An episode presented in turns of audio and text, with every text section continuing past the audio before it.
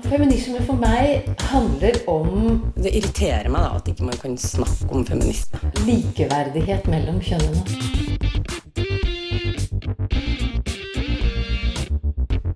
Det blikket på kvinnen på film. handlet det om å bli tatt på alvor som jente. Du hører på Et eget rom på Radio Nova.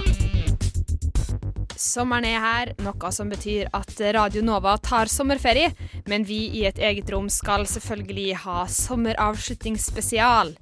Hva er det vi har diskutert det semesteret her?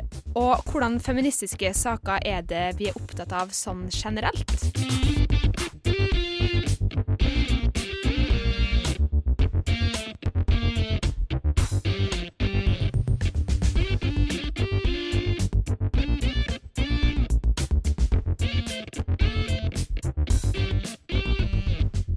Dag og god sommer og god ferdig med eksamen og god, god gratulerer med levert bachelor og alt det der. Du hører på Radio Novas feministiske program Et eget rom. Og i studio i dag så er vi ikke to, ikke tre, ikke fire, ikke fem, men seks stykk. Vi er altså, Det er meg, Synnøve Berg Meisingseth, og så bare sender vi stafettpinnen videre. Og så er det Andrea Skeid. Og Anne Marie Sundøyd. Og Line Svendsen. Hanna Rangård er her også. Og Linda Therese Rosenberg. Yes. Eh, vi mangler to stykker fra redaksjonen, så vi er sånn nesten fulltallige. Eh, og i dag skal vi diskutere litt, eller gå gjennom eh, litt sånn saker vi har diskutert det semesteret her. Og ta opp litt sånn personlige feministiske saker som vi syns er viktige. Men jeg tenkte kanskje vi kunne begynne med, bare sånn for å eh, Kanskje det er folk som ikke har hørt på et eget rom før. Hvem er vi egentlig? Hva er et eget rom? Er det noen som føler seg kalla til å prøve å oppsummere hvem vi er? Nå, nå sa du på meg! Alle ser på Linda, som også styrer teknikk. Ja, det her gjør vi jo ofte, nesten hver uke. Og så går vi på lufta og sier at vi er Adenovas feministiske program. Og det som vel står i beskrivelsen vår, er vel Vi vil forsøke å finne ut hva feminisme er og kan være. Eh, hvor langt kan man strekke det? Hva er utenfor, hva er innenfor? Er det egentlig noe som er utenfor? Prøver liksom å se litt sånn bredt perspektiv, da. Mm. Nei, men da har vi fått eh, oppsummert det. Det kan jo være greit. Eh, men eh, ja, damer, hva, har dere noen planer videre? I sommer? I sommer. I sommer. Blir å jobbe litt, da. Ja, det blir jobbing. Eh, For min del i hvert fall. Har ikke planlagt noen ting. Jeg vil helst bare på ferie. jeg. Skal du på ferie, da? Jeg skal masse på ferie. Jeg skal bare kose meg og slappe av. Kanskje få lest den der 'Et eget rom' av Virginia Woolf. Jeg Ja, det sånn det er kanskje alle Det er sammen på setter seg som mål. Line, har du lest den? Ja. Ja, Eh, OK, da har vi én i redaksjonen som har lest den. Det er én som har lest den. Eh, men det er eh, Det er lenge siden, altså. Ja. Finnes den på lydbok, eller? Det kan fort hende at den finnes på lydbok. Ja, for det, referansen Et eget rom er jo til Virginia Woolf sin, eh, sin bok. eh, Ja, et essay. Er et essay, ja. Ja. Eh, hvis jeg husker riktig, så holdt hun det for noen eh, kvinnelige studenter. Men jeg tror ikke hun var en som var veldig god på å holde foredrag. Så jeg har hørt rykter om at folk sovnet underveis. Å Så det førsteinntrykket var kanskje ikke det beste. Oh. så hun gjorde seg nok bedre i skrift. Ja, ikke sant. Det slo ikke helt an eh, i starten, nei. Men eh, da tror jeg vi jobber oss videre. Skal begynne å diskutere litt tema vi har, har tatt opp det siste semesteret. Men som alltid så må vi jo høre litt deilig musikk, og her får du sommeraktig sangen 'Palm Tree' av Selmer. Der hørte du Selmer med sangen 'Palm Tree'. Og hvis du likte det du hørte, så vil jeg anbefale deg å dra på Dattera til Hagen den 23. juni, for da spiller de. Og det er den siste gruppa vi skal snakke litt om i dag, når temaet er incels-menn. Eh, og så må vi jo presisere at vi mener ikke at alle incel-menn eh, Er voldelig. nei, faktisk utøver vold. Eh, men det er jo noen, og det er jo et kjennetegn her, da, at man ikke liker kvinner. Ikke i det hele tatt. Ikke i det hele tatt. Nei. På plakaten i dag så er det altså kroppspositivisme. Men eh, ja, skeive asylsøkere. Eh, litt tungt tema, eh, som jeg tror kanskje ikke så mange egentlig har noen gang tenkt over at er en utfordring. Men det har du, Hanna. Hvordan kom du borti det her? Ja, jeg, du, jeg tror det blir noen heftige svetteringer i dag, fordi dette er jeg både engasjert i, og det er veldig varmt i studio. Det er ekstremt. Men i dag så skal vi jo snakke om feministisk punk, og da er det jo litt på sin plass at vi faktisk også spiller feministisk punk. Ja, men iallfall kvinner og deltid. Ja. OK, så vi skal snakke om det, og så tenker sikkert du der ute, ja OK, deltidsarbeid, hva skjer med det, liksom? Her hørte du Smaya i beste sendetid på NRK i debatt mot Sylvi Listhaug. Og hun har jo fått helt enorme mengder hets og hat. eh, Så mye at hun har måttet trekke seg fra samtlige arrangementer hun egentlig skulle ha deltatt på, bl.a. 8. mars-markering i Bergen. Så vidt jeg vet, så er hun sengeliggende hjemme. Ja, det er bare så forferdelig. Ja. forferdelig trist. Men altså, ja, for jeg tenker liksom det som har skjedd her, da, er jo at liksom det norske folk gjennom kommentarfelt og dritt og mail og gud vet meg hva, har klart å innskrenke hennes mulighet til å være med i debatten, liksom. Fordi det går så fysisk og psykisk på, og det er liksom en form for sosial kontroll, liksom. Yes! Og dagens tema det er mensen. Ja. Og det tenker jeg er på tide. Ja. Og da tenker jeg litt på det her med faking av orgasme, for det er på en måte noe jeg har hørt om siden jeg var ganske liten, at det er en greie. Og da lurer jeg på why. Ja, why? Ja. Det er jo for det første veldig synd. Det du hørte der, var utdrag av en, et knippe sendinger vi har hatt eh, dette semesteret. Du hører på Radio Novas feministiske program, og vi har eh, sommeravslutning eh, slash oppsummering av semesteret som har gått. Og er det noen spesielle sendinger dere har lyst til å trekke fram som var litt sånn ekstra interessante, eller noe sånt? Mm, jeg vet ikke om det var liksom sånn tema ekstra interessant, det var jo det òg, men jeg syns det var veldig kult at vi hadde en livesendinga, da. Vi har hatt livesending. Det syns jeg var litt kult. Det var spesielt. Det var på min første livesending, og sånn, og det var veldig morsomt. Veldig mange gjester og tema som jeg syns er veldig interessant. Eh, seksualundervisning, eller seksualitetsundervisning, som vi nå har lært at det skal het. Veldig artig. Og det vi kan si at vi har jo, vi har jo alltid livesending, men det her var livesending, hva skal jeg si, utesending. Ja, Det med publikum. i- publikum. Med ja, ja. publikum i salen. Mm, det var under Femfest. Så diskuterte vi seksual, ja, seksualitetsundervisning. Det var en veldig bra sending. Eh, Dere gjorde det veldig bra, alle gjestene og programlederne og alt sånt. eh, Gjorde det Bare veldig bra. glise, Ja. Anne-Marie. Eh, Så det var veldig artig for oss andre som ikke nødvendigvis var med, men som satt og så på, da. Nei, nå blir jeg da varm. Ja, det var veldig fint. Jeg husker eh, den eh, sendinga, for jeg begynte jo det her eh, semesteret, da. Eh, og første sendinga var når vi hadde om sånn kroppspositivisme. Og så hadde jeg et sånn veldig langt intervju med Karina Karlsen, som jeg syntes var veldig gøy. Det måtte jeg jo klippe ned veldig mye, for det var jo på en halvtime, liksom. Men, Hvem er hun igjen? Fort gjort. Eh, Det er hun som eh, er hva skal jeg si, Norges eh, talskvinne for kroppspositivisme. Så hun har mye fint å si om kropp og sinn og psykisk helse. Og veldig kul dame å intervjue. Veldig mye bra å si. Vært veldig aktiv i debatten, ja. Mm. Hun var vel med på den Det var en debatt som mye du har sett, Synnøve. Om både body positivism og ja. Mm. Så hun er veldig aktiv også på, på eh, Instagram. Så heter hun Fet, men fattet der. eh, Og eh, har veldig mange saker da, om, om kropp og, og psykisk helse. Da.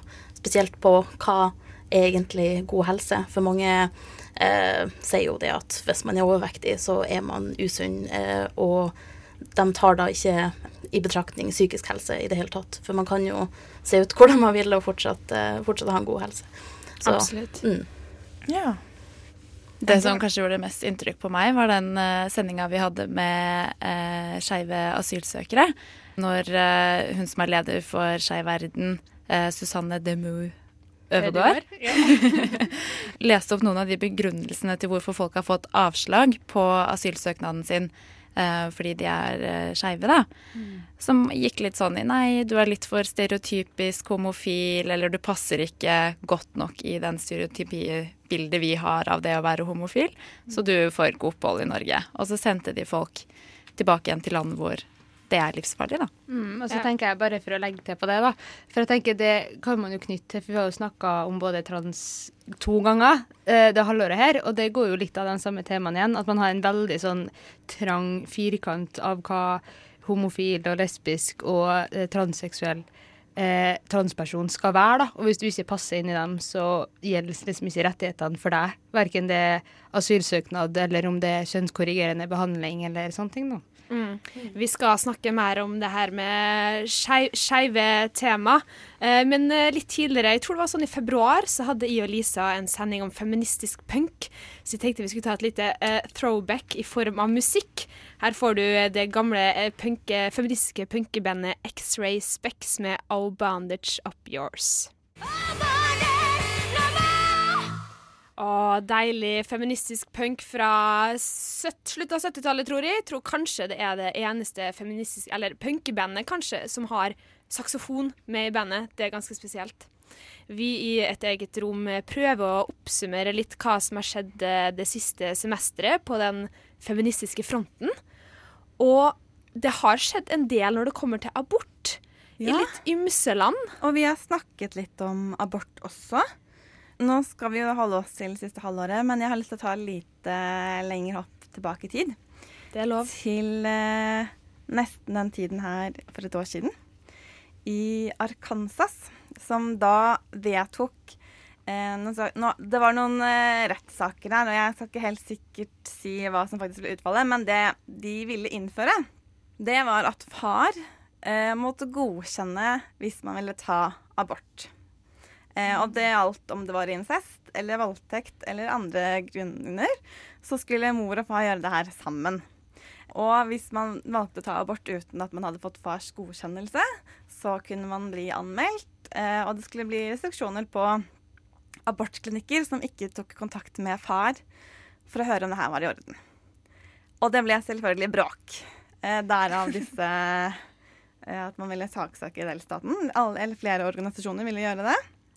Eh, og da ville man kanskje tenkt at nå har man lært, men det er, det, man lærer ikke av sånne ting i USA. Man tenker bare 'vi prøver på nytt'. Vi gir ikke opp. Nei. Så ganske nylig, faktisk, så prøvde de på noen nye abortlover, da. Samme delstat Arkansas. Men er, er det innført? Jeg skal ikke helt sik si helt sikkert hva som skjedde med det forrige, eller om det fremdeles foregår et eller annet der. Men det har nettopp vært en sak som har vært i Høyesterett i Arkansas. Det her er en av de strengeste abortreglene. Fordi Og her er det kanskje meningen at det skal være litt sånn uklart, for loven sier at eh, fra og med sjette uke, eller når man kan høre fosterets hjertelyd, så kan man ikke ta abort. Det er ganske tidlig. Eh, allerede etter 22 dager så kan man i visse tilfeller, ikke hos alle, høre hjerterytme. Så i praksis så ville man kanskje si at eh, fra og med femte uke da, så kan man ikke ta abort, selv om loven egentlig sier seks uker. Og det som er blitt bråk nå, er så klart at ja, men man vet kanskje ikke at man er gravid engang. Etter fem uker. Eh, så det her går jo ikke. Så på nytt så er det bråk, da. I Eh, USA. I USA. ja. Fordømte USA. Yes. Men Jeg jeg må bare si, jeg syns det er ganske sykt, fordi at hele konseptet abort handler om å gi kvinner valg over egen kropp og rett til å bestemme over egen kropp. Så hele det prinsippet brytes jo idet man eh, lovfester at det må også godkjennes av partner. Det er sånn, ja, men det, det er ikke det som er konseptet. Konseptet er at man som kvinne skal få bestemme over sin egen kropp, og Ja. ingen andre. Og når du ikke engang vet om du er gravid ennå eller ikke, Ja. da er det litt sånn Og kanskje du heller ikke vet hvem faren er, og det tar jo litt lang tid å finne ut da, hvis du da må gjøre det innen de fem ukene, kanskje. Nå eh, har jeg blanda litt, for jeg så med mobilen min. Jeg fikk ikke skrevet ut. Nå går alt i ett. Eh, det er Iowa som har gjort denne seksukersregelen. I Arkansas, det som skjedde der for ganske kort tid siden, sånn rett før omtrent, det er at Høyesterett har bestemt, eller en eller annen bestemmelse i Høyesterett eh, gjorde at tre av fire abortklinikker i Arkansas måtte stenge middelbart. Slik at i dag så er det én abortklinikk på ca. tre millioner mennesker. Ja, ikke sant? Det er, eh, ja, det er det som har skjedd i Arkansas og Aiva de siste ukene bare. Men, ja, for jeg tenker i hvert fall det med at kortene i abortklinikker er jo så krise. Litt på når vi snakka om det i den Irlandssendinga, og at da blir det et klassespørsmål. At det blir liksom de rike med midler som kan fære og ta en abort, for de kan reise, de kan ta seg fri og gud vet meg hva. Men de som kanskje virkelig trenger den aborten, da, som ikke har penger, som ikke har ressurser rundt seg, blir jo de som ikke har den muligheten, da. Vi kan jo avslutte denne lille bolken med litt gladere nyhet. Ja. Eh, for i går så bestemte Kongressen i Argentina at de vil vedta å tillate abort i de første 14 ukene av svangerskapet. Det her Det er framskritt. er ikke gjeldende, fordi det må også godkjennes i Senatet, som er overhuset i Argentina. Men det er første gang en kongress i et eh, latinamerikansk land vedtar at de vil ha abort i 14 uker. Og Latinamerika er jo en av de strengeste områdene i verden mm. når det gjelder abort. Og det er land der som ikke har abort i det hele tatt. Eh, for ståa nå i dag, det er at man kan ta abort i Argentina hvis man har blitt voldtatt, eller hvis det er fare for mors liv. Eh, så det er lite rom for å ta abort. Likevel så er det ca. 500 000 kvinner som tar ulovlig abort hvert år. Og det er over 100 kvinner som dør av komplikasjoner også hvert år. Ja. Eh, så det er ganske triste tall. Så man kan potensielt få da eh, en av de mildeste i gåsehudene eh, abortlovene i Latin-Amerika kanskje i år, hvis Senatet også stemmer for. Eller hvis det blir flertall i Senatet for det her. Og det er jo et, allerede nå, eh, før det er ordentlig bestemt, et kjempetilbakeskritt for den katolske kirken. Som er veldig for eh, mot abort, eller Mm. ikke vil ha abort i det hele tatt.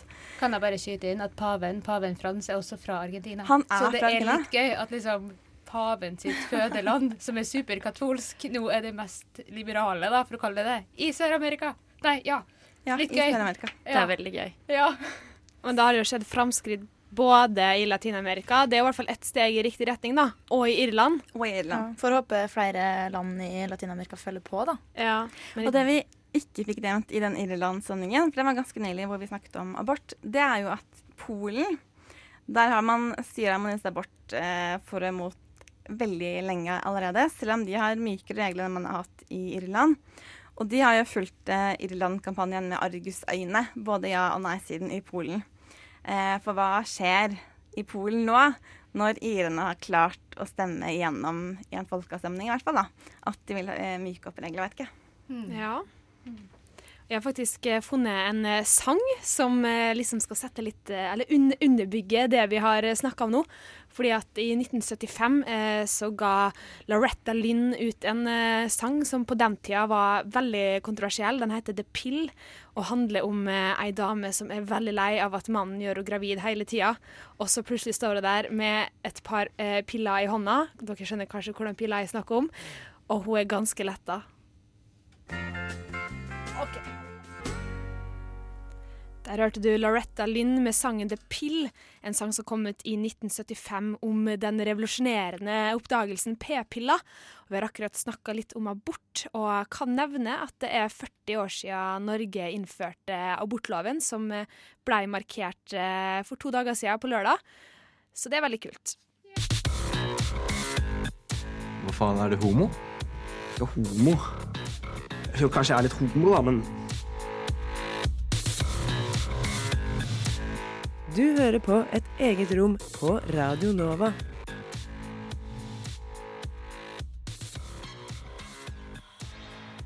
Du hører fortsatt på Et eget rom, og vi markerer at sommeren er i gang, og at vi er ferdig for sesongen. Men det er noe som eh, skjer om ikke så veldig lenge i Oslo, som jeg gleder meg til. Vi Jeg snakker om pride, eh, og i den anledningen så har vi litt ymse vi vil ta opp. Eh, Du hadde noe, Hanna? Yes. Nå er vi jo inne i pride-måneden. Juni. He-he. Hvis man lurte på hvordan måned vi var i. Vi er i juni, og det er pride. Uh, og for uh, en liten stund siden så skjedde noe litt uh, forferdelig eh, i Stavanger. Natt til søndag eh, forrige uke så meldte NRK at eh, kjæresteparet Benjamin Josdal og Kristoffer Dale Frøyland ble banka opp på åpen gate i Stavanger.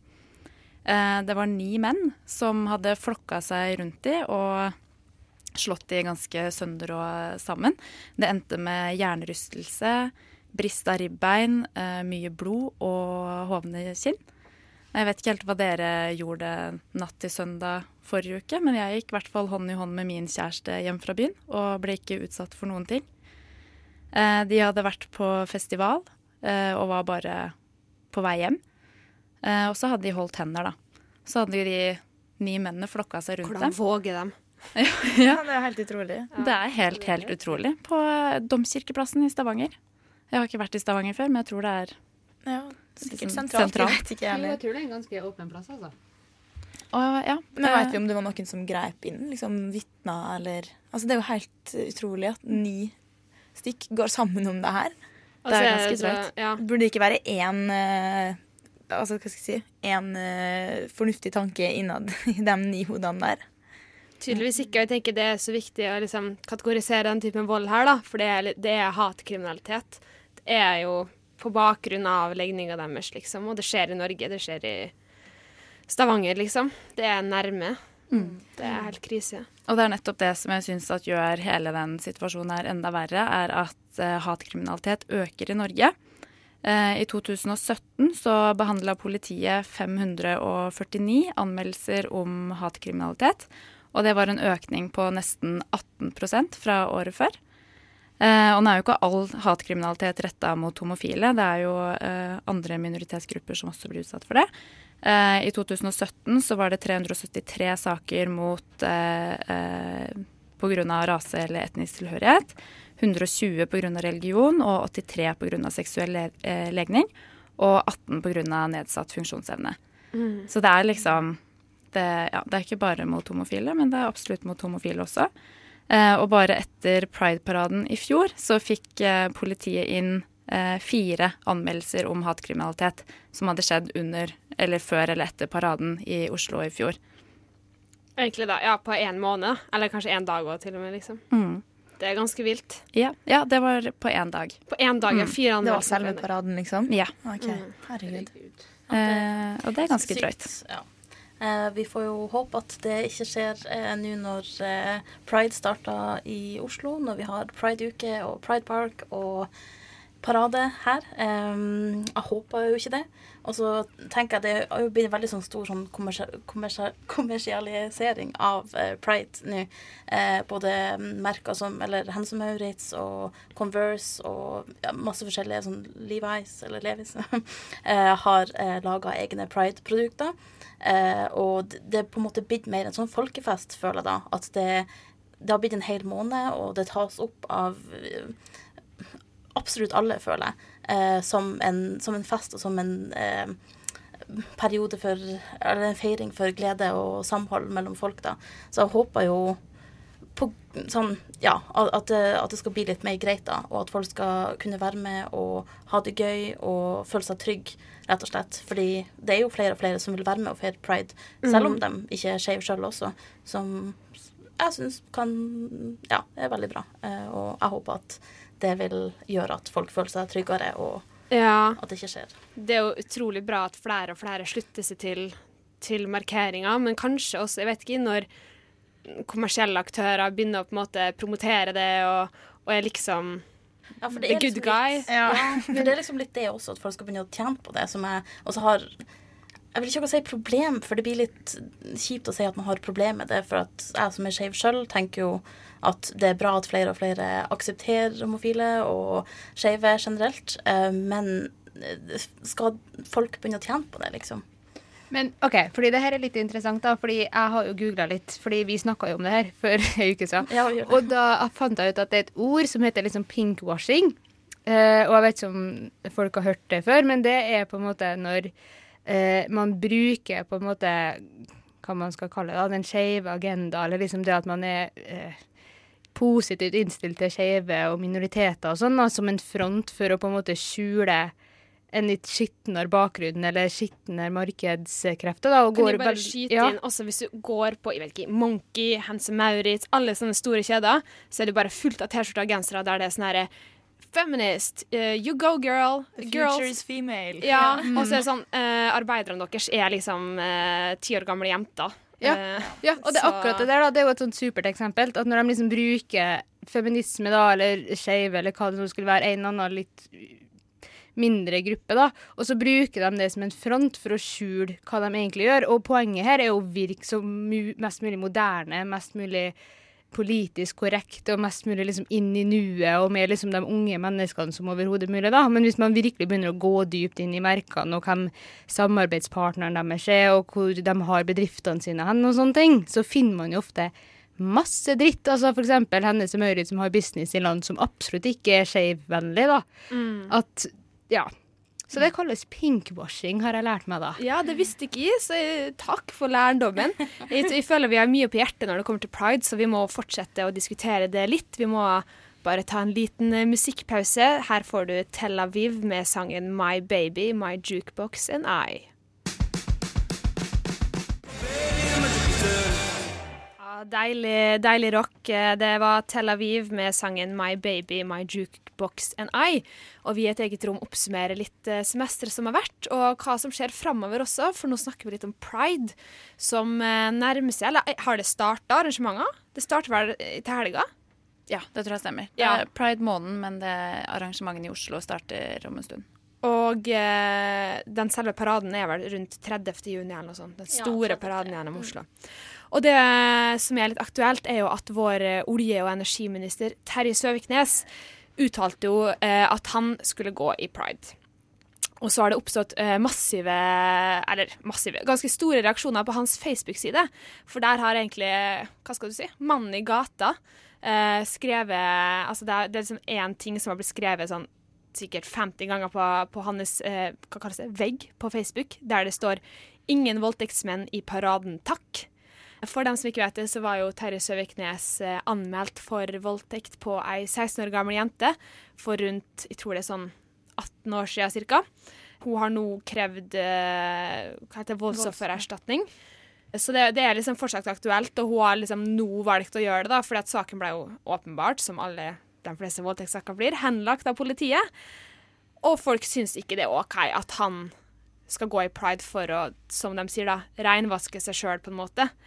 Eh, og jeg lurer litt på hva dere syns om det. Um, og jeg har også en liten ting jeg sjøl har tenkt på. tenker det kan være greit å ha i bakhodet at Frp uh, partifesta ikke at homofile skal få lov til å gifte seg, altså ekteskapsloven, før i 2012 eller 2013, som ikke er så veldig lenge siden. Så jeg føler ikke akkurat at Frp har vært sånn veldig frammarsj for homofile sine rettigheter. De er litt sånn, hva skal jeg si, medgangssupportere. Um, men ja, nå har da Men kan jeg si noe på akkurat det? Fordi han eh, Nå husker jeg ikke hva han heter. Han som er landbruksminister. Han eh, var jo veldig på ballen da Volda og Ørsta, eller Volda, han, eh, eller skulle ha sitt første bygdepride. Så det er jo enkeltpolitikere også i Fremskrittspartiet som har vært litt med ballen. Men han er jo jevngammel med oss, nesten. Han er noen få eldre enn meg. Han er litt yngre generasjon, ja. det kan jo ha noe å si. Han er den yngste i regjeringen. Så det, vi skal ikke liksom ta hele Fremskrittspartiet over én kam, selv om partiet som helhet har vært ganske trege når det gjelder egentlig alle, både kvinners rettigheter, abort eh, og homofiles rettigheter. Ja, og du kan også legge til, F, eh, legge det kan også legges til at Frp nå har jo liksom den samme eh, politikken på området som alle andre partier, men at de kanskje var litt seint ute, da. Ja. Men eh, ja, Terje Søviknes har måttet ha trukket seg. Eller måtte, han har valgt å trekke seg. Hva tenker dere? Det var jo Det var jo en kronikk som jeg syns hadde et veldig viktig poeng, og det er jo dette med at det er ganske mange i det skeive miljøet som har opplevd både vold og seksuelle overgrep. Og det at en mann som er anklaget, og som mest sannsynlig har gjort et seksuelt overgrep, skal gå i en pride-parade, det er vel det som gjør at det skurrer så mye for ganske mange, da. Jeg tenker at uansett om eh, det har vært et overgrep eller ikke, så har han anerkjent at han hadde sex med en 16 år gammel jente på eh, landsmøtet, tror jeg det var. En full, full 16 år gammel jente. Da hun var ja, kjempefull og, og eh, leder for, eller nestleder for FPU i den, eh, den lille byen det var snakk om. Jeg husker ikke hvor det var. Og det er galt i seg selv. Det er, det er et overgrep i seg selv. Og jeg syns ikke personer som utnytter sin maktposisjon på den måten Terje Søviknes har gjort, eh, skulle være velkommen eh, i en prideparade. Men så er jeg også veldig glad for at folk også har sagt at det er ingen som skal nekte han å gå. Og det er ingen som skal nekte han å nå være medgangssupporter for uh, skeives rettigheter. Det er kjempefint, det. Vær så god. Eh, men at han har valgt å trekke seg, syns jeg er kjempebra. Mm. Man kan jo også stille seg spørsmålet hva har han egentlig i regjeringa å gjøre? Altså han har en ministerpost, som også er ganske, jeg vet ikke, litt skeptisk til det. Kan stille spørsmål ved. Men ja. Men hvis vi skal ta det på den siden Jeg blir på en måte ikke overrasket eh, dersom det blir et regjeringsskifte om noen år, om Trond Giske havner i regjering. Og det er ikke noe bedre enn å være på den måten. Sånn at det, eh, det er noe rart med den politikken, da. Når det gjelder sånne ting. Den er måtte ikke laget for å kunne håndtere sånne type tilfeller. Jeg føler veldig sånn, Alle har veldig sånn korttidshukommelse. Det er sånn, reagerer veldig veldig sterkt eh, i noen uker, og så er det sånn Å ja, ja, men det har vi glemt. Det er ikke så viktig lenger. Akkurat den saken her, så er det vel litt også Det er nå saken har kommet opp. Hadde ikke den her voldtektssaken vært oppe nå, så hadde man kanskje ikke så mange reagert så eksplisitt. Mm. Men nå virker det nesten litt som at eh, ja, man gjør det bare for å liksom vise at ja, men jeg støtter jo homofile. Mm. Um, ja. Ja, og så um, tenker jeg også litt det at kanskje den saken her viser at noe av problemet her da, er at Norge ikke har et lovverk som gjør at det her virkelig blir plukka opp. da. At det burde jo egentlig stoppa i loven. Altså For det som skjer nå, at du får liksom normer og holdninger som gjør at folk velger å gå fordi at alle andre ønsker det, eller de ser det som politisk korrekt for seg sjøl å gå, liksom. Men det er veldig sjelden noe som sier at de må gjøre det. Det er veldig sjelden at det får virkelige konsekvenser i lengre tid. Og det er jo litt fordi at det lovverket vi har, ikke eksplisitt sier at f.eks. å ligge med en 16 år gammel jente som er full, er overgrep eller Og du er nestleder i Ja, vi har ikke noe lovverk som sier at du ikke kan utnytte et maktforhold sånn. For hvis hun har vært 18, så har det jo ikke vært noe feil uansett, liksom. Med mindre, altså Bortsett fra det maktforholdet, da. Så jeg tror det er litt det, òg, at de liksom, lovene vi har, gjør ikke at man kan virkelig straffe, da, på en Ja. måte. Og i eh, 2011 eller 2012 eh, så kom det ut i media at statssekretæren til Trond Giske på det tidspunktet hadde hatt et forhold med og var hun 16 eller 17 år gammel jente som også hadde tillitsverv i AUF da, på det tidspunktet. Og han måtte trekke seg fra alle sine verv og har ikke vært aktiv i politikken siden, Mm. siden da. Det var statssekretæren til Trond Giske. Eh, nå, flere år senere, så viser det at han er av samme type. Eh, vet, det, han har jo ikke hatt et forhold eh, til en person, men han er det- Vi kan slå fast at han har misbrukt sin maktposisjon. Det tror jeg de fleste vil være enig eh, med meg i. Eh, men det er ingenting som har skjedd med Arbeiderpartiet eh, sine retningslinjer siden 2011 eller 2012. Eh, selv om han måtte trekke seg og ble liksom latterliggjort i offentligheten, så er det liksom ikke fått noen flere konsekvenser enn det. Det blir litt sånn opp til sånn sosial lynsjing, på en måte, da. Egentlig. Ja, og der tenker jeg jo at ehm, folket har en slags altså, kan bruke makta si, da, sånn de gjør nå. OK, Terje Søviknes får på en måte sitte i regjeringskontorene med en ministerpost, men ikke søren om du får komme i Pride, det er vår greie, liksom. Da syns jeg det er veldig kult å se at folk bare Nope. Det er jeg veldig glad for, da. Vi kan ta en ny gladsak på slutten. Ja. Det er et jubileumsår i år. Er det noen som har noen tanker om hva det kan være? Jeg vet det, jeg vet det. jeg vet det. Eh, er det ikke ekteskapsloven? Ja. Ja, 2008. Ja, 11. Ja. juni 2008 så vedtok Stortinget at eh, det skal være felles ekteskapslov. Eh, Den ble ikke innført før 1. januar, eller den gjaldt fra 1. januar 2009, men det er altså ti år siden, ganske akkurat egentlig, at det ble vedtatt eh, i Stortinget. Det, det er veldig kult, men jeg tenker også Er det så kort tid siden? Ti år bare? Altså, altså han hadde jo partnerskapsloven da, som et lite Ja. plaster på akkurat det såret, Ja. som er fra 92 eller noe sånt nå. Men, men ja, det er bare ti år siden. Ja ja, vi har i hvert fall loven. Vi skal være glad for det. Vi skal fortsette å snakke om litt sånn destruktive, men viktige tema. Vi skal innom hevnporno straks, men før det skal du få høre Nedia og Kipplemore med 'Comfort Zone'. Groovy, groovy rytmer fra Nedia og Kipplemore med sangen 'Comfort Zone'. Og nå ganske nylig så har det skjedd igjen altså Man kan jo kalle det et framskritt, fordi at det er en mann eh, som går under eh, eh, navnet Edderkoppen. Ja. ja. eh, som har blitt eh, tatt av politiet, eller tror jeg egentlig det var NRK, som avdekka han. eh, som har i årevis eh, spredd nakenbilder av eh, unge jenter på internett, deriblant Maiken. Bare ta og hør på det her.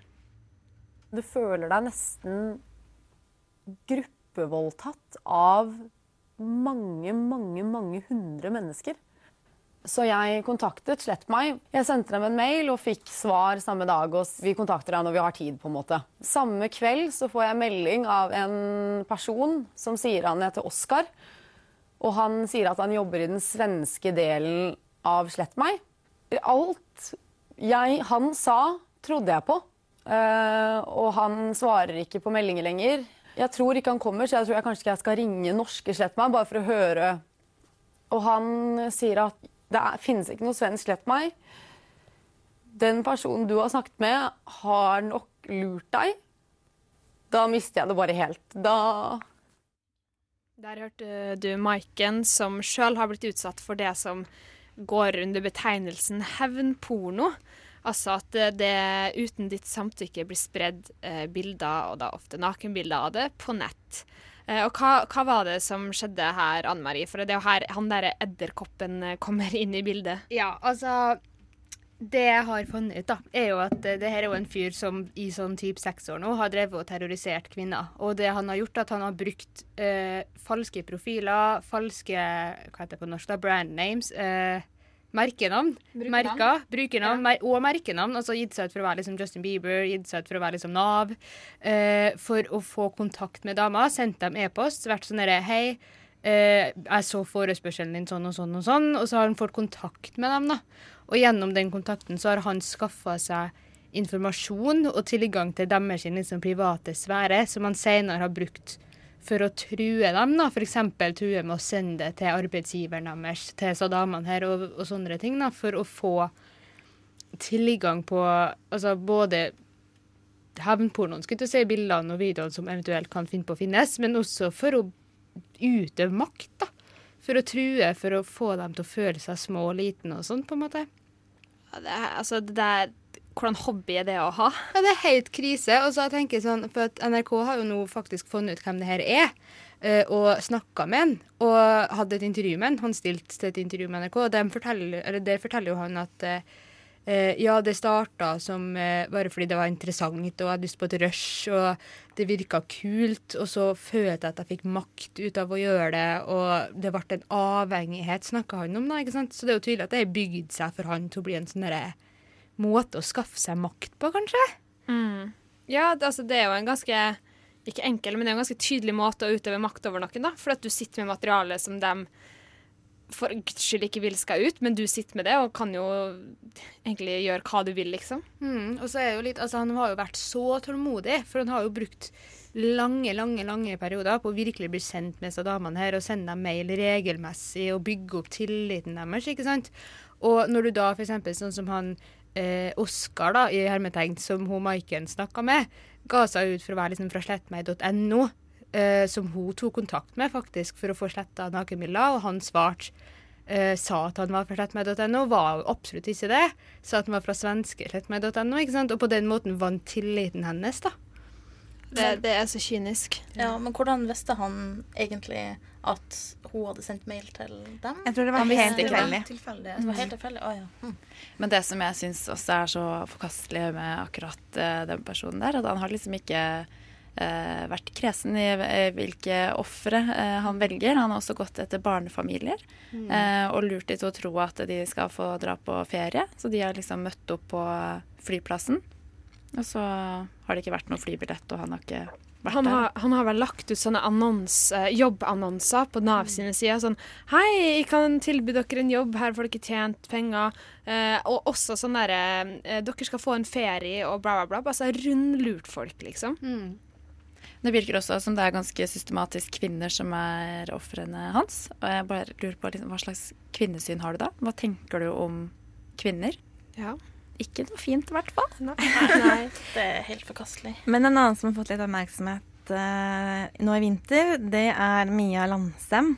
Som er den uh, personen som bl.a. hjalp hun eh, Nora Mørk med å finne den som hadde spredd nakenbilder, og som jevnlig får eller blir kontaktet av jenter som opplever at noen har spredd nakenbilder av dem. Og det var et Brennpunkt som eh, var med henne og hadde en dokumentar om det hun gjør, hvor hun er, og hvordan hun gjør ting. Og de var med da hun holdt et foredrag på hennes gamle videregående skole, tror jeg det var. Og kanskje noe av det jeg husker best fra den dokumentaren, det er ansiktsuttrykkene på de elevene da hun var ferdig med sitt foredrag. Sånn Oi, er det så lett at nakenbilder blir spredd? Og alle gutters ansikter bare Oi, har jeg kunnet bidratt til noe sånt nå? Mm. Og det sier så mye om unge menneskers em, mangel på kunnskap. Eh, og kanskje mangel på litt sånn kunnskap om dette med grenser og respekt. Man tar liksom litt for gitt at alle skjønner at man ikke gjør sånn, men så er det kanskje mange som ikke tenker over det. Absolutt. Og så, ja, og så tror jeg det er liksom et poeng da, at selv om du kanskje gjør noe, typ deler et bilde til kompisen din, så er ikke det hevnporno for deg. Sant? Det er ikke, i, I ditt unge 16 år gamle hode så er ikke det krenkelse av ei dame. Du sender et bilde til en person som du stoler på, som du tenker ikke kommer til å gjøre noe galt. Problemet her blir jo bare at alle gjør det samme, og plutselig har hele skolen samme bilde, på en måte. Eller så er det én person som får det bildet og tenker oi, det her kan jeg legge ut på nett. Mm. Og så får jeg masse kule eller feedbacks da, fra andre av samme kaliber. Vi hadde jo besøk av, eller ikke besøk av, men intervjua Emma Holten i høst. Og hun snakka jo eh, ganske tydelig om det der med å oppfordre unge jenter til å ikke ta nakenbilder, fordi at det blir litt sånn indirekte offerklandring, da.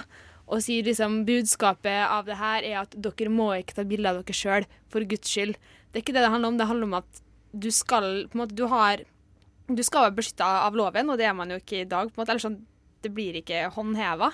Så det blir på en måte så tynt å skulle legge ansvaret over på jenta, da, som er den som blir utsatt for det her i størst grad. Ja, det blir litt som å si ikke gå med miniskjørt, ellers så blir du voldtatt, liksom. Ja, og det blir hvis litt det du går med miniskjørt, så er det din skyld. Ja. Da har du bedt om det, liksom. Veldig Mm. fristende med miniskjørt. Ja. Vi skal fortsette med noe som også er dagsaktuelt, eh, så bare heng med videre. I think uh, is an insane person. Is an insane person. Is an insane person. Is an insane person. Du hører på Et eget rom. Helt riktig, du hører på Et eget rom, Radio Novas feministiske program, og vi prøver å oppsummere litt det siste halvåret, feire at det er sommer, og så diskuterer vi litt sånn ting som er viktig for oss sånn på det personlige plan, da, på den feministiske fronten. Og det er noe som er litt sånn relevant eh, for femini feminis altså, feministisk relevant eh, som pågår nå, Andrea? Ja, eh, for på fredag så delte annet Jenny Skavlan og Julie Bergan og Linnea Myhre et, eh, en screenshot på sin Instagram-profil hvor de har fått eh, et tilbud fra et svensk byrå som da tilbyr offentlige personer, artister eller altså det som så fint kalles influensere, inngrep, altså kosmetisk, kosmetiske inngrep på deres regning.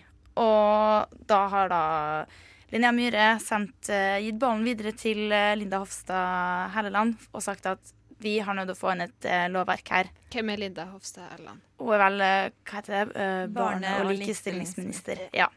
Fordi at vi har ikke et lovverk som forbyr eh, reklame og den type ting knytta til kosmetiske inngrep, og det må vi ha fordi at eh, ja, det er forferdelig at eh, aktører skal tjene penger på at vi har dårlig selvfølelse. Så jeg anbefaler å sjekke ut det de har lagt ut, og så får vi se da om hun følger opp hun Helleland. Så, så det svenske byrået har sendt melding til disse Ja. og sier, og sier eh, hei, vi kan operere det, du får det helt gratis, eh, bare du reklamerer for oss. Mm. Ja. Og det er vel egentlig eh, ganske vanlig å gjøre, Erik også det? Ja. For liksom bloggere og Det var jo en debatt om det her eh, i mars, tror jeg, i år, eh, hvor eh, det ble snakka litt om det her med at bloggere også har reklame på sin blogg om eh, sånn Restylane og sånn fra en klinikk i Oslo. Hvor det da ble eh, slått ganske hardt ned på. Eh, så det er ikke uvanlig da å prøve seg på eh, dem som kanskje har litt dårlig samvittighet. For det er jo som regel unge, kanskje litt usikre jenter som er på Instagram eller som leser blogger, og som er veldig lette bytta da, for at oi, så her har en blogger lagt ut en rabattkode på en eh, klinikk i Oslo der du kan gå og fikse leppene dine eller brystene dine eller hva det måtte være. Og da Det gir jo et veldig kjipt budskap, da. Om Mm. at man ikke er OK sånn som man ser ut. Jeg så det var en klinikk som hadde tilbud til alle russ.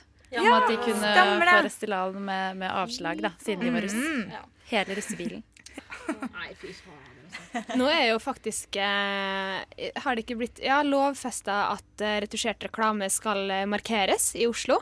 er jo et framskritt, og da burde jo man også på en måte følge opp dem på sosiale medier. da, fordi at én ting er reklameplakater som du finner liksom i byrommet, eller ja.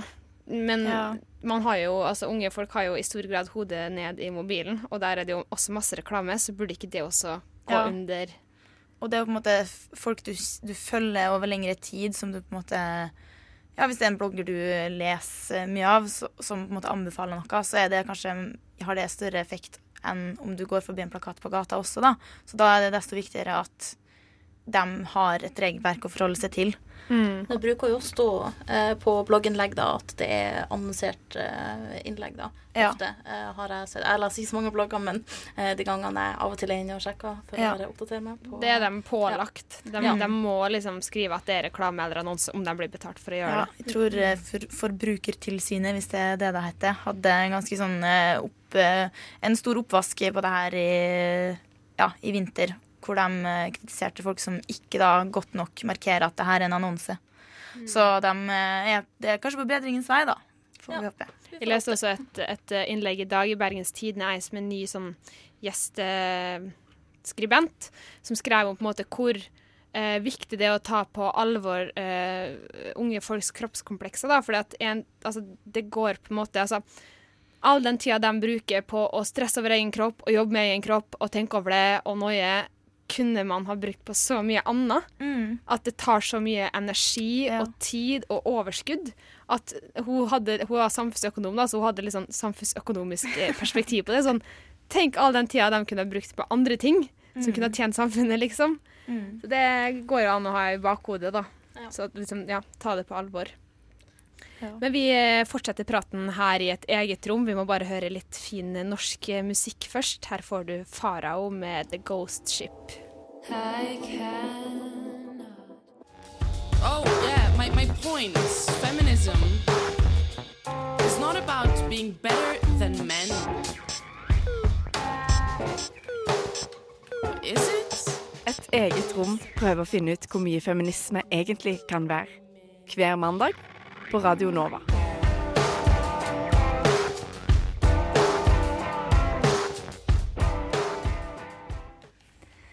Det er jo ikke alltid vi lager noen sånne nettartikler her hos oss. Men det hender jo at vi gjør det likevel. Så jeg tenkte vi kunne snakke litt om en sak som vi faktisk hadde i tekst det her eh, semesteret, som vi ikke fikk snakket om i studio. For den dagen eh, det gjelder, kom og gikk litt sånn fort, og vi var ikke helt forberedt på at den eh, var her omtrent før den hadde rast av gårde. Fordi 13. februar, det er verdens radiodag, altså en FN-dag, UNESCO-dag. Og årets tema, det var radio, sport og kvinner. Fordi eh, hvis man ser litt sånn eh, globalt på det, altså ikke norske tall, men globale tall, så er det slik at kun 4% av sportsoppslagene i eh, mediene, de fokuserer på kvinnelige utøvere alene. Altså 4 eh, Og kvinnelige utøvere dekkes i kun 7% Oi, det er så lavt. Det er så lavt! Det er helt krise. Og det her ville UNESCO og FN markere i år. Ikke bare det at kvinner får så utrolig liten dekning globalt sett, eh, men også at dekningen er litt sånn forskjellig. Eh, og det er det jo flere som har satt fokus på flere ganger. For noen år siden så var det en eh, australsk tror jeg, tennisspiller som hadde spilt i en turnering. Og etter kampen hun hadde spilt, så ble hun spurt om hun kunne ta en liten sånn piruett. Og liksom vise frem skjørtet som hun spilte i. Og det er litt sånn Er det spørsmålet du stiller til en kvinnelig utøver? Kvinnelig toppidrettsutøver. Toppidrettsutøver. Altså, det eneste forskjellen på henne og en mann er at hun har pupper og han har penis, på en måte. Eh, og han får ikke spørsmålet Kan du ta en liten Piruett i shorts. Ja. Altså, Se for deg hvordan, hvor, hvordan hadde en mann takla å få det spørsmålet. Det er bare helt sånn herre Hæ? Hva, hva, det, det hadde, og det hadde ikke skjedd, liksom. Eh, så det er ganske utrolig, egentlig. Og da lagde da FN slagordet 'Her moments matter'. For å si sånn at vi må skjerpe oss. Eh, vi må dekke kvinnelige utøvere på en seriøs og ordentlig måte. Og så hadde de flere sånne små klipp for å illustrere det her. Så jeg tenkte vi kunne høre sånn avslutningsvis en av de tingene som de pekte på i sin kampanje. Og som de prøvde å spre den utover i hele verden. The same sports competition can be experienced in different ways, depending on whether you're a man or a woman. Listen carefully. The day I won the gold medal. the day medal, I won the gold medal, every newspaper talked hardly about any me. newspapers talked about me. They said that everything They I said had that achieved everything I was had thanks to my training, was thanks to my trainer, and that I could be proud and of that I myself. could be proud of him. I was on the cover of He all was the on the cover of all the magazines. They named me the they named Golden him Man. the Golden Coach. It was my moment. It was his moment, my victory. his victory. I felt so I felt so disappointed. I, I couldn't, couldn't believe believe it.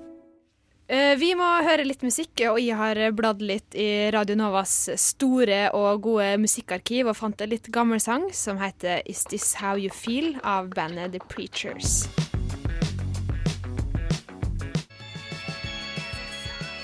Der hørte du bandet The Preachers med Is This How You Feel. Og vi i et eget rom eh, er på veis ende, både i sendinga, men også for semesteret. For vi er jo egentlig ferdig for semesteret. Vi må jo legges til at uh, vi ses jo til høsten. Uh, men Hanna, du fant, vi vi snakka akkurat om det her med uh, kvinnelig representasjon i, i sporten, og du fant noen tall. Ja, men de er ganske gamle. Det er fra 2002. Eh, men da skrev de at eh, over 97% av NRK sine hovedoppslag eh, om sport eh, hadde mannlige idrettsutøvere i fokus. Så det vil si at ja, bitte litt over 3 eh, av de oppslagene var med kvinner, da. Ja. Vi får håpe at det har skjedd litt endring siden da. har vært flere undersøkelser flere steder, og det er ikke så veldig mye bedring e- egentlig. Eh, Men så må man huske på at man gjelder, altså, toppoppslag er jo ikke hele sportsdekningen. Det er liksom bare de du nevner aller først, sånn i headingen, liksom. Sånn det her er det viktigste som har skjedd i dag. Ja, men altså, jeg tenker sånn, jeg tror liksom de tre prosentene er liksom enten Marit Bjørgen å si, eller Therese Johaug, eller kanskje Nora Mørk, når hun hadde hele problemer med hevnporno, liksom. Og det er det. Med en gang du kommer over på lagidrett og sånn, det er jo ingen som snakker om håndballspillerne og fotballspillerne på samme måte som man snakker om liksom de individuelle spillerne på guttesida, selv om det er lagsport. Det er jo eh, mye mer eh, oppslag om altså hvis en kvinnelig idrettsutøver blir gravid, eller noe har skjedd, at det blir laga et sånt stort sånn, At det blir veldig opphausa, da. Eh, sånn som det med Therese Johaug. Eh, og med han eh, eh, ski... Peder Northug? Ja, Petter Northug. eh, når han hadde fyllekjørt. Altså, den saken var jo veldig kort. Men jeg tenker sånn Therese Johaug-saken med det her um, leppeproduktet ja, ja, altså Det varte jo i et halvt år. liksom. Det var jo på nyheten hele tida. Det er jo ikke ferdig nå engang. Nei, nei, det er fortsatt ikke ferdig. Så det er jo egentlig ganske sykt at det fikk så store Altså, hun hadde jo ikke gjort noe galt mot noen, men han hadde fyllekjørt, liksom. Som er mye verre, tenker jeg da. Uh, jeg vet ikke, det er bare sykt hvordan det blir framstilt i media, da. Det er så Mhm. stor forskjell. Um, de kvinnene blir ikke sett på for sine det de gjør i sporten, liksom. De blir bare Alt som er på privaten, eller som kan lage skandaler av, det blir tatt opp. Mens eh, menn og deres eh, gullmedaljer blir på en måte på forsida hver gang. Ja, det er helt sant. Men eh, jeg tror vi skal ta sommerferie. Vi, vi må nevne at vi skal jo ha en Pride-sending også. Så vi kommer tilbake igjen, selv om eh, det er litt sånn utenfor eh, sesongen. Det var en slags uh, eh, nesten-avslutning. Ja. Så ja, dere hører oss igjen. uh, både på Pride-sending og til høsten. Så bare husk å følge med i din podkast-app. Uh, ja, syns jeg har vært innom ganske mye. Vært innom hevnporno og pride og abort. har vært innom, og sport. Syns du har gjort en god jobb. Skal vi ta God en sommer til kort oss. eh, navnerunde? Ja, vi har jo vært ganske mange i studio, seks stykk. Tar en liten avslutningsrunde. Jeg heter Synnøve Bergmeier Singseth. Jeg heter Linda Rosenberg. Og jeg heter Hanna Rangar. Og jeg heter Line Svendsen. Eh, Anne Marie Sundet. Og Andrea Skeid har også vært her. Seks fine frøkner, og med det ut skal du få en veldig god sang som heter 'Hymn' av bandet Ni grader nord. നാദൃതില്ലാതിരണ ദിൽ ദിൽ ധീരണ ധരധിരണ